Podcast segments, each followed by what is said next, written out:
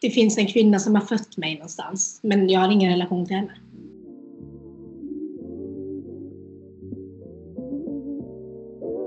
Du lyssnar på podcasten Låt en kvinna tala. Producerad av Tilda Arvidsson och Moa Kvist Ragnarsson. Musiken vi har använt heter Old School Boom Bap Type Beat och är gjord av Soulis.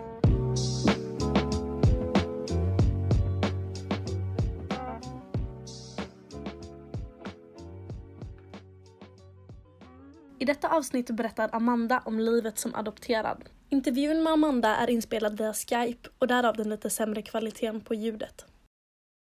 Detta avsnittet är i samarbete med Xlash Cosmetics och kvinnojouren Kalmar. Hur har din dag varit? Men jag tänker, hur har din morgon varit snarare? Min morgon har varit eh, ganska kort än så länge. Helt ärligt så vaknade jag typ kvart i åtta. Och mm. tänkte att jag ska bara koka lite kaffe och sen så ska jag fixa allting. Sen vill ju inte tekniken inte funka. Men det har varit en eh, mysig morgon ändå. Hur gammal är du? Jag fyllde 25 nu som mest. Så jag är född 94. Ja. Hur har din barndom varit? Um, den har varit väldigt trygg. Den har varit väldigt kärleksfull och väldigt aktiv. Ehm, jag är då uppvuxen med mamma, pappa och lillebror som också är adopterad från Indien, som jag är. Ehm, men vi är inte biologiska syskon. Ehm, men sen har vi haft våran, våra kusiner och så väldigt, väldigt nära oss. Så att vi är, en väldigt stor familj. Och vi har alltid haft det väldigt... Nej, jag tror att jag är väldigt trygg, eh, trygg uppväxt. Har, eh, har du haft en bra relation till dina föräldrar under din uppväxt?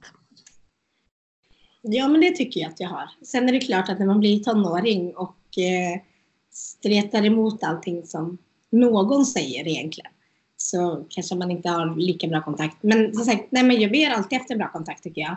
Sen flyttade jag ju hemifrån då när jag var 19 och då flyttade jag till Oslo. Um, så att jag hade dem ju inte så nära på några år heller.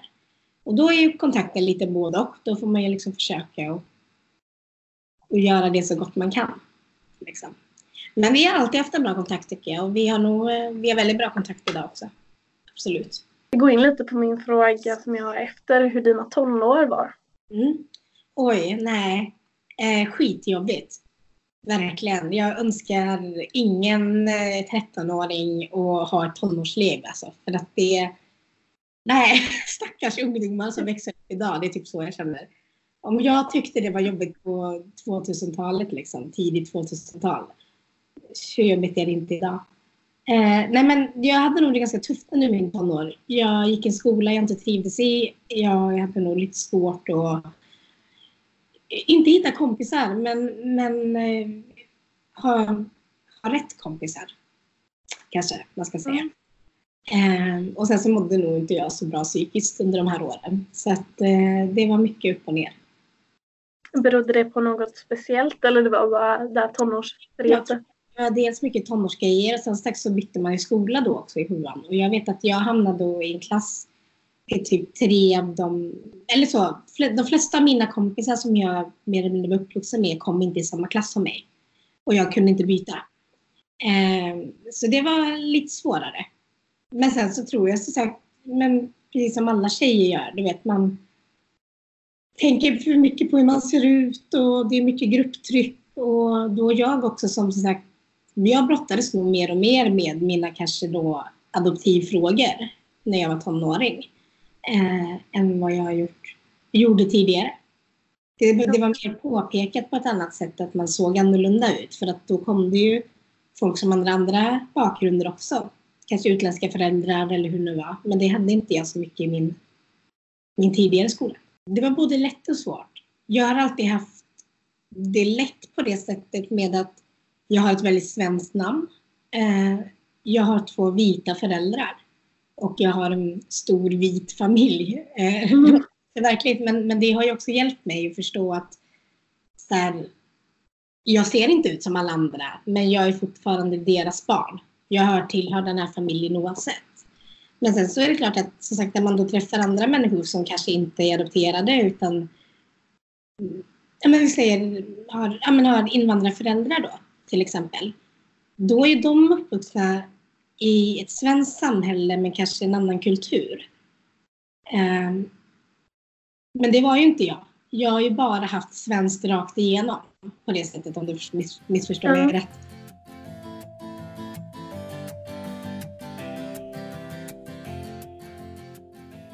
Och det, det blev också en krock ibland. Många som kunde ifrågasätta varför jag såg ut på ett sätt men inte betedde mig på ett visst sätt. Eller liksom varför jag inte var utlänning om du förstår vad jag menar.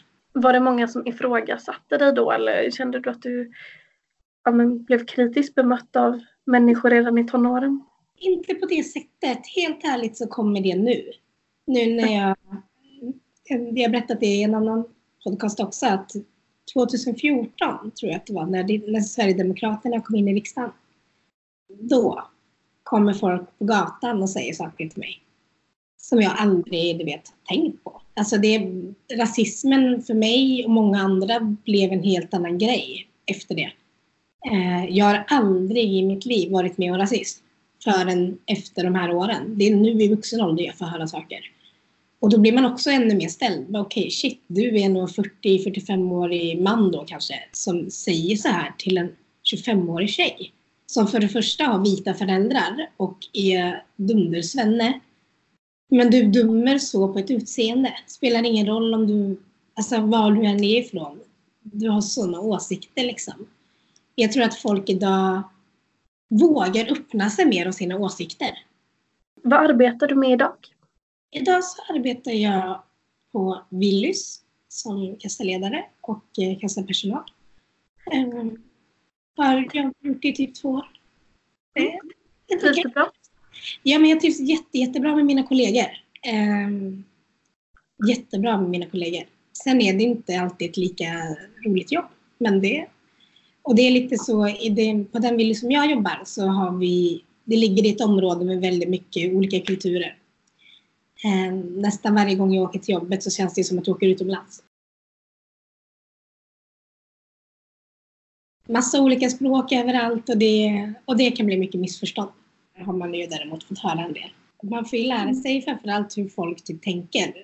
Fast man förstår ofta inte. Okej, okay, du resonerar så. Okej. Okay. Vad är det bästa du vet? Det är en väldigt stor fråga men det kan vara allt från en upplevelse till favoriträtt. det bästa jag vet är eh, när jag står längst upp i en snowboardbacke och inte ser slutet på den backen. Och jag bara hoppar ut. Det skulle jag nog säga är det bästa jag vet. Åh, vad härligt det låter. Tycker du om att åka snowboard? Ja, det är ju absolut något av mina största intressen. Jag har åkt skidor kanske sedan jag var fyra. Och sen så började jag åka snowboard när jag var nio, tror jag. Nio, tio. Så jag har åkt i, shit, 15 år typ. Vad är det sämsta du vet? Åh oh, gud. Eh. Nu kommer jag låta som en så bitter människa. Jag ska förklara detta rätt. Eh. Men alltså människor är det bästa och det sämsta vi har. För att det är... Jag tror inte människor tänker på... Alltså du tänker inte idag alls. På ett sätt som man kanske gjorde för bara tio år sedan. Um, man uttrycker sig och man säger så himla mycket dumt. Så, eller tycker och tänker mycket dumt. Och speciellt idag när alla sitter och gömmer sig bakom sina skärmar. Liksom. Det, ehm, den här sociala medievärlden borde inte vara så stor som den är. För det påverkar ju allt och alla. Liksom. Jag vill säga, utan att låta som en bitter människa, att eh, människor är, är något av det bästa och sämsta jag vet. När fick du reda på att du var adopterad? Oj. Eh, det har inte varit en hemlighet eh, direkt i och med att jag aldrig har sett ut som mina föräldrar. Jag fick reda på. När jag var fyra år så kom min lillebror till Sverige. Då var vi och hämtade honom på Landvetter i Göteborg. Och då tror jag väl att det var då man kanske så förstod att okej, okay, nu kommer min lillebror och han är också från Indien. Han har liksom också kommit hit med flygplan. Det var typ, jag tror att man då kanske förstod det mer att, att vi inte var samma kött och blod kanske. Då. När, kom du till Sverige när du var nyfödd eller när kom du hit? Jag kom hit på min exakta fyra månaders dag. Så jag kom hit den 30 oktober 94. Okay. Så jag, alltså, jag, är, jag som också har bott i Norge i några år då och kan prata det språket mer eller mindre flytande idag och har norskt personnummer och så vidare. Alltså jag är mycket, mycket mer norsk än vad jag är indisk. Alltså det är verkligen bara ett skal, att jag råkar se ut som en indier liksom. Um, och det har nog många svårt att förstå. Känner du att du måste förklara det? Till utländska människor måste jag förklara det. Um, för de förstår inte. Jag, jag har blivit ifrågasatt till exempel varför letar du inte efter din familj och varför vill du inte veta vart ditt blod är ifrån och du vet sådana saker. Och det blir lite så här, ja men så du tycker själv att jag ska åka ner och leta efter någon som lämnade mig som spädbarn? Känns det logiskt liksom? Då blir jag ju lite sån, eh, typ ställer mig lite försvar och tycker att det var en väldigt dum fråga. Eh, men nej, jag vet faktiskt inte. Som sagt, det är, det är mycket lättare att förklara för många vet inte ens vad det är.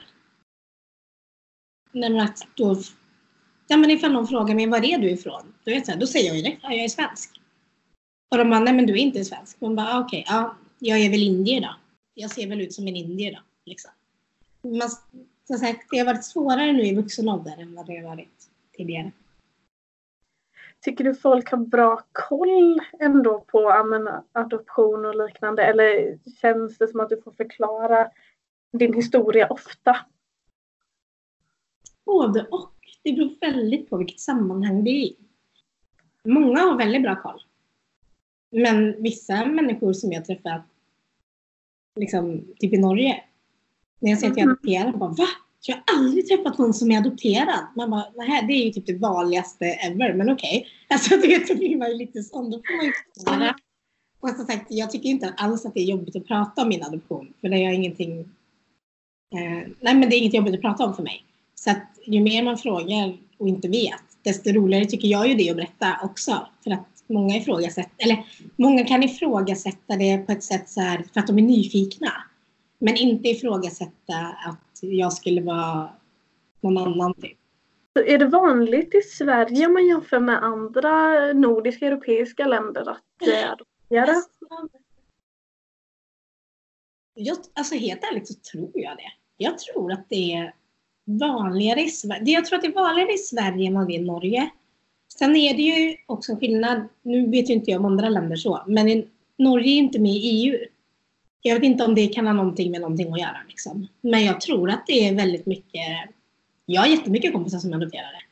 Inte bara från Indien utan från typ Sri Lanka eller Vietnam eller du vet lite var som typ Ryssland. Och, alltså, jag menar, jag kan ju räkna på mer än tio eller alltså mer än mina fingrar av de ju bara jag känner som är adopterade. Och jag är från Götene. liksom. Ja. Det är litet.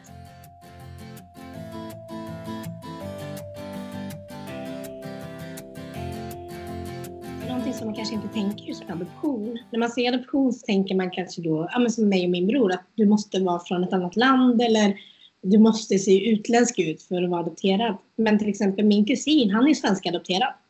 Han är född i Göteborg och sen så kom han till min faster och farbror när han var typ några veckor tror jag. Och uppvuxen ja. med min faster och farbror. Så att man, det finns så mycket svenskadopterade barn också. Reagerade du på något speciellt sätt när du insåg att du hade ja, men, två biologiska föräldrar någonstans?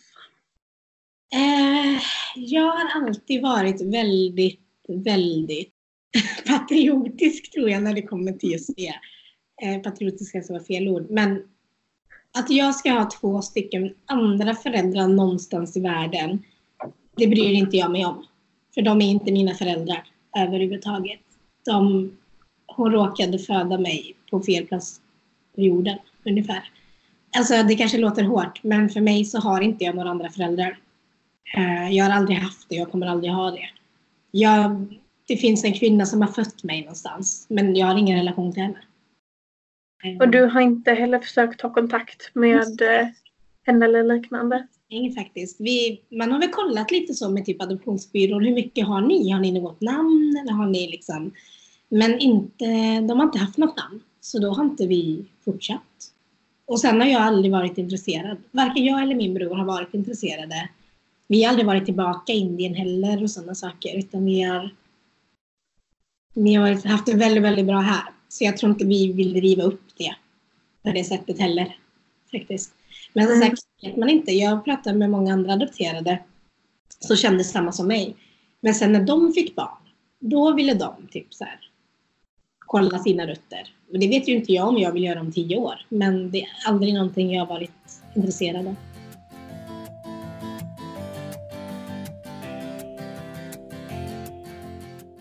Vad tycker du om adoption? Tycker du att det är någonting bra? Hade du själv kunnat tänka dig adoptera? Jag tycker att det är bra, absolut. Ehm, det är klart att jag skulle kunna tänka mig att adoptera. Men då måste man nog vara väldigt... Jag tror att för att adoptera så måste du vara jäkligt stark som person att bli förälder till ett adopterat barn. För det kommer komma mycket skit oavsett om den här personen får ett jättebra liv eller jobbigt liv så kommer det här adoptivbarnet ifrågasätta väldigt mycket någon gång i livet.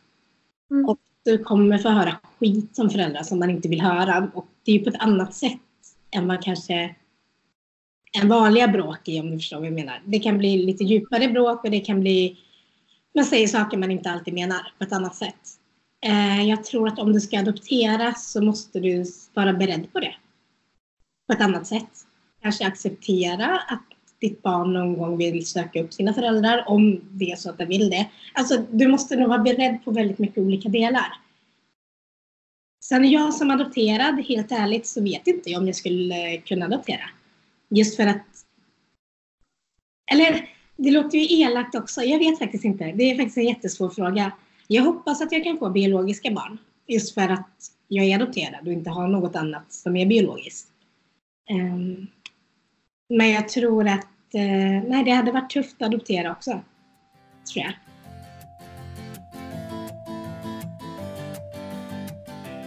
På vilket sätt har du ifrågasatt dina föräldrar om eh, din adoption? Jag vet att när jag var liten så hade jag typ svårt att förstå att så här, men du vet, jag är vit typ här på handflatorna och jag är vit under fötterna. Men varför var jag inte vit här? Så jag vet det var en gång, du vet, jag tror att jag du vet, skulle ta en osthyvel och börja. Liksom, för jag tänkte att men det finns ju här under någonstans. Men det gjorde det inte. Så jag tror att Nej, jag vet inte. Alltså, jag har nog inte frågat. Vi har inte pratat om det. Jag vet att jag läste någon bok när jag var liten om någon så här, adopterad tjej från Indien och hon fick också en lillebror sen. Så jag tror att vi alltid pratat om det väldigt mycket och väldigt öppet. Men sen är det väl det att Nej, men största delen är väl det att jag har inte sett ut som mina föräldrar. Och det, det har bara varit så. jag vet inte riktigt. Mm.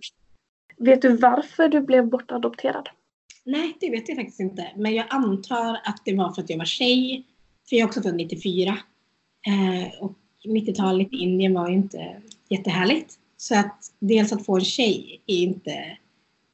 Du vet vart den tjejen kommer hamna liksom. Eh, men sen så tror jag också att jag hade en väldigt ung mor. Så jag tror att hon fick mig ganska tidigt, plus att jag var tjej. Um, så jag, det enda jag vet är egentligen att jag är född 30 juni och sen så kom jag till barnhemmet 10 juli. Så att på tio, de här tio dagarna finns det ingen dokumentation på mig. Um, men annars så vet jag faktiskt inte. Vad kan du tänka dig att eh, dina föräldrar gör idag? Dina biologiska föräldrar? Oj, alltså jag tror inte de lever. Alltså jag har ingen aning. Jag har nog alltid, jag har nog alltid föreställt mig att jag inte har någon pappa. Det vet jag ju att jag visst har någonstans. Men, mm. men jag tror inte det. Jag tror att antingen så var jag väl ett våldtäktsbarn eller så var det någon gubbe som skulle gifta sig med min mamma? Alltså jag har ingen aning. Jag har Mm. inget svar på någonting. Eh, men jag, som sagt, jag har pappa, eller så, har jag nog alltid tänkt att han finns nog inte alls. Liksom. Sen får jag ju väl hoppas att jag har, nej att hon är vid livet liksom. Jag, jag har inte så mycket att tro om det faktiskt.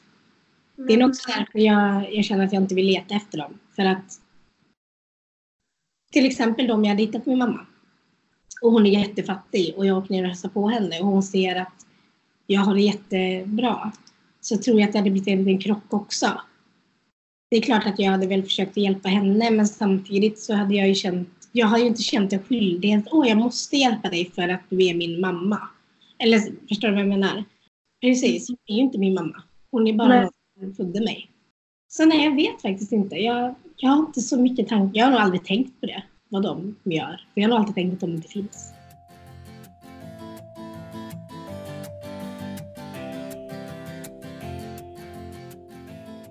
Hur ser din familjesituation ut idag?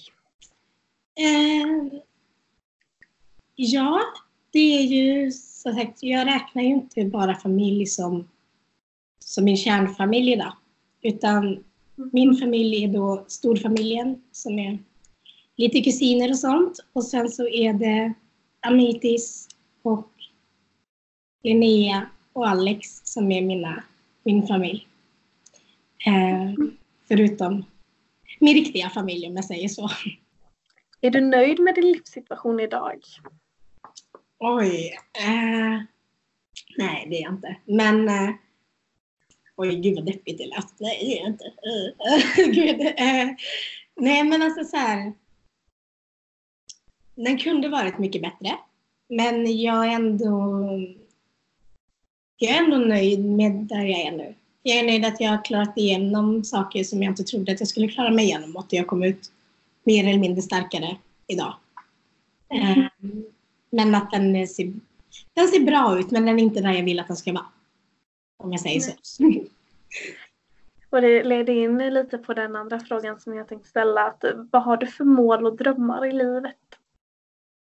Det här är en fråga som, som jag kommer ge dig det dummaste svaret nu. Alltså det dåligaste svaret du kommer få, tror jag. Men jag, helt ärligt så... Det enda just nu jag vill i mitt liv är att jag ska jobba med någonting som är kreativt, någonting som jag tycker om att göra. Att jag ska få en egen familj i framtiden. Och att jag ska leva lycklig alla mina dagar ungefär. Eh, Ja. jag, jag trodde inte att jag skulle flytta tillbaka till Sverige. Jag trodde att jag skulle stanna i Norge. Och så, så blev det inte så, utan jag flyttade hit och haft det jättebra nu sen jag flyttade hit. Mm. Men som sagt, livet kan förändras så himla fort. Så därför så vågar inte jag säga att åh, mina mål och drömmar, utan jag tar det faktiskt lite som det tror jag. Mm. Men Ja. eh, jag, jag vill någon gång i mitt liv kunna bli mamma. Det är min högsta. Sen får vi bygga utifrån det. Ja. Vad har du för drömyrke? Um, radiopratare eller författare Häftigt. är någonting jag... Ja, men verkligen. Läser du mycket? Ja, det gör jag faktiskt. Eh, Mm. Jag har alltid läst väldigt mycket och skrivit väldigt mycket i perioder. Men ehm, ja, jag, nu lyssnar jag mycket på böcker. Men jag lyssnar nog på tre böcker i veckan. Någon speciell genre som du fastnat för? Oj, alltså nu det senaste. Jag har alltid varit en deckarmänniska. Alltså jag älskar mord och sånt. Vidrig människa. Ja. Men jag älskar när det är lite mord och sådana saker. Men nu det senaste har jag nog eh, fastnat lite för sådana här typ romantiska romaner. Jag vet inte vart det kommer ifrån. men Lite så här feel good böcker kan jag tycka är lite roligt. Tänker du någonsin på hur ditt liv skulle varit om du inte hade kommit till Sverige? Ja, men det gör jag ju. Ehm, och det... Ja, det, man gör ju det. Men ändå inte. Alltså, jag kan nog göra det ifall de visar ett inslag på TV om ja, men, barn från fattiga länder eller något sånt. Då kan man ju sitta och säga shit, det där skulle fak- alltså, faktiskt kunna varit jag. Men å andra sidan så tror jag att om jag hade känt så varje gång jag... Alltså om jag hade reagerat starkt på det, då hade jag istället gått runt och känt mig skyldig till att jag lever här. Och det gör jag ju inte. Jag känner mig inte skyldig, eller att jag har en skyldighet. Jag är jättetacksam för att jag bor och lever här, men jag, jag försöker inte tänka på, tänk om jag hade varit kvar. För det går inte. Då hade jag säkert varit gift med en 60-årig gubbe och haft fyra barn idag. Liksom, det går inte att... Det är så långt ifrån allting jag är uppvuxen med. Liksom.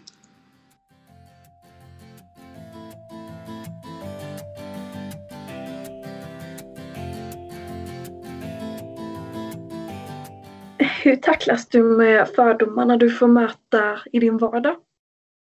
Ja, jag är väl, alltså jag är ju inte rätt människa att ta det, du vet. För jag, jag kan bli ganska arg. Eh, riktigt arg. Alltså jag kan verkligen, just när det kommer till rasism. Spelar ingen roll om det är mot mig eller vad det nu kan vara emot. Du vet, om det kommer någonting där. Eller bara typ när någon av mina kunder kallar någon kollega för rasist. Bara för att hon kanske har uttryckt sig om någonting mot, men fattar du? Då kan ju de säga, åh det är jävla rasist. Man bara, men du, kan du bara gå härifrån nu? För den här människan är inte det. Alltså vet, bara sådana saker kan jag bli jättelack på. Jag säger emot direkt. Jag är inte den som tar sån skit. Och ingen annan borde ta det heller. Eh, så på fördomar och sånt så skrattar jag oftast. Speciellt, jag skrattar mycket åt svenska människor som eller svenska människor, men eh, eh, du fattar vad jag menar.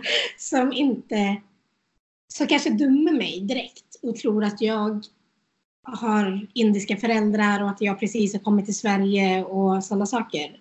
Men sen när jag då säger att nej men du, mina föräldrar är vita och de har adopterat mig. Då switchar den här människans uttryck och bara oj, wow, vilka fantastiska föräldrar du har. Ja, jo, de har en ganska fantastisk dotter också. Alltså du vet, man får liksom... Då ändras den bilden direkt. Och blir såhär, wow, vilka amazing parents you got. Liksom. Man säger, jo, men så tyckte du inte för två sekunder sedan när du trodde att de var utlänningar. Och som sagt, jag tacklar nog inte det jättebra. Jag blir ganska arg. jag är inte så duktig på, på att hålla inne det tror jag. Där kan jag säga ifrån. Jag menar, det som jag sa till mina föräldrar någon gång när det var en incident, men det Jo, men det var en incident där jag var tvungen att försvara mig. Och, och jag sa, och då skratt, vi skrattade åt det idag. Men så sa jag det till mina föräldrar att ni måste förstå att jag måste alltid förklara att jag är ert barn. Eh, när ni säger att nej, men våra barn är adopterade från Indien, då är det bara okej, okay, check på det. Men jag måste alltid förklara att nej, mina föräldrar är faktiskt de här. Liksom. Eh, och det är lite tröttsamt. För jag har aldrig någonsin upplevt detta förrän nu de senaste fyra åren.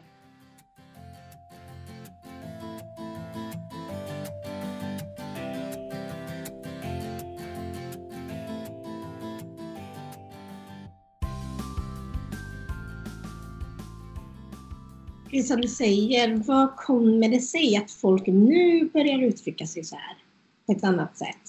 Alltså, jag är inte politiskt aktiv på något sätt, men alltså helt ärligt så tror jag att det har med att göra att Sverigedemokraterna i detta fallet då, alltså att Jimmy står och är så himla öppen med att det är okej okay att säga vad ni vill. Och därav så alltså lyssnar många på det. Nej, men vi lever i ett land där man har yttrandefrihet. Jo, men till vilket pris har du det?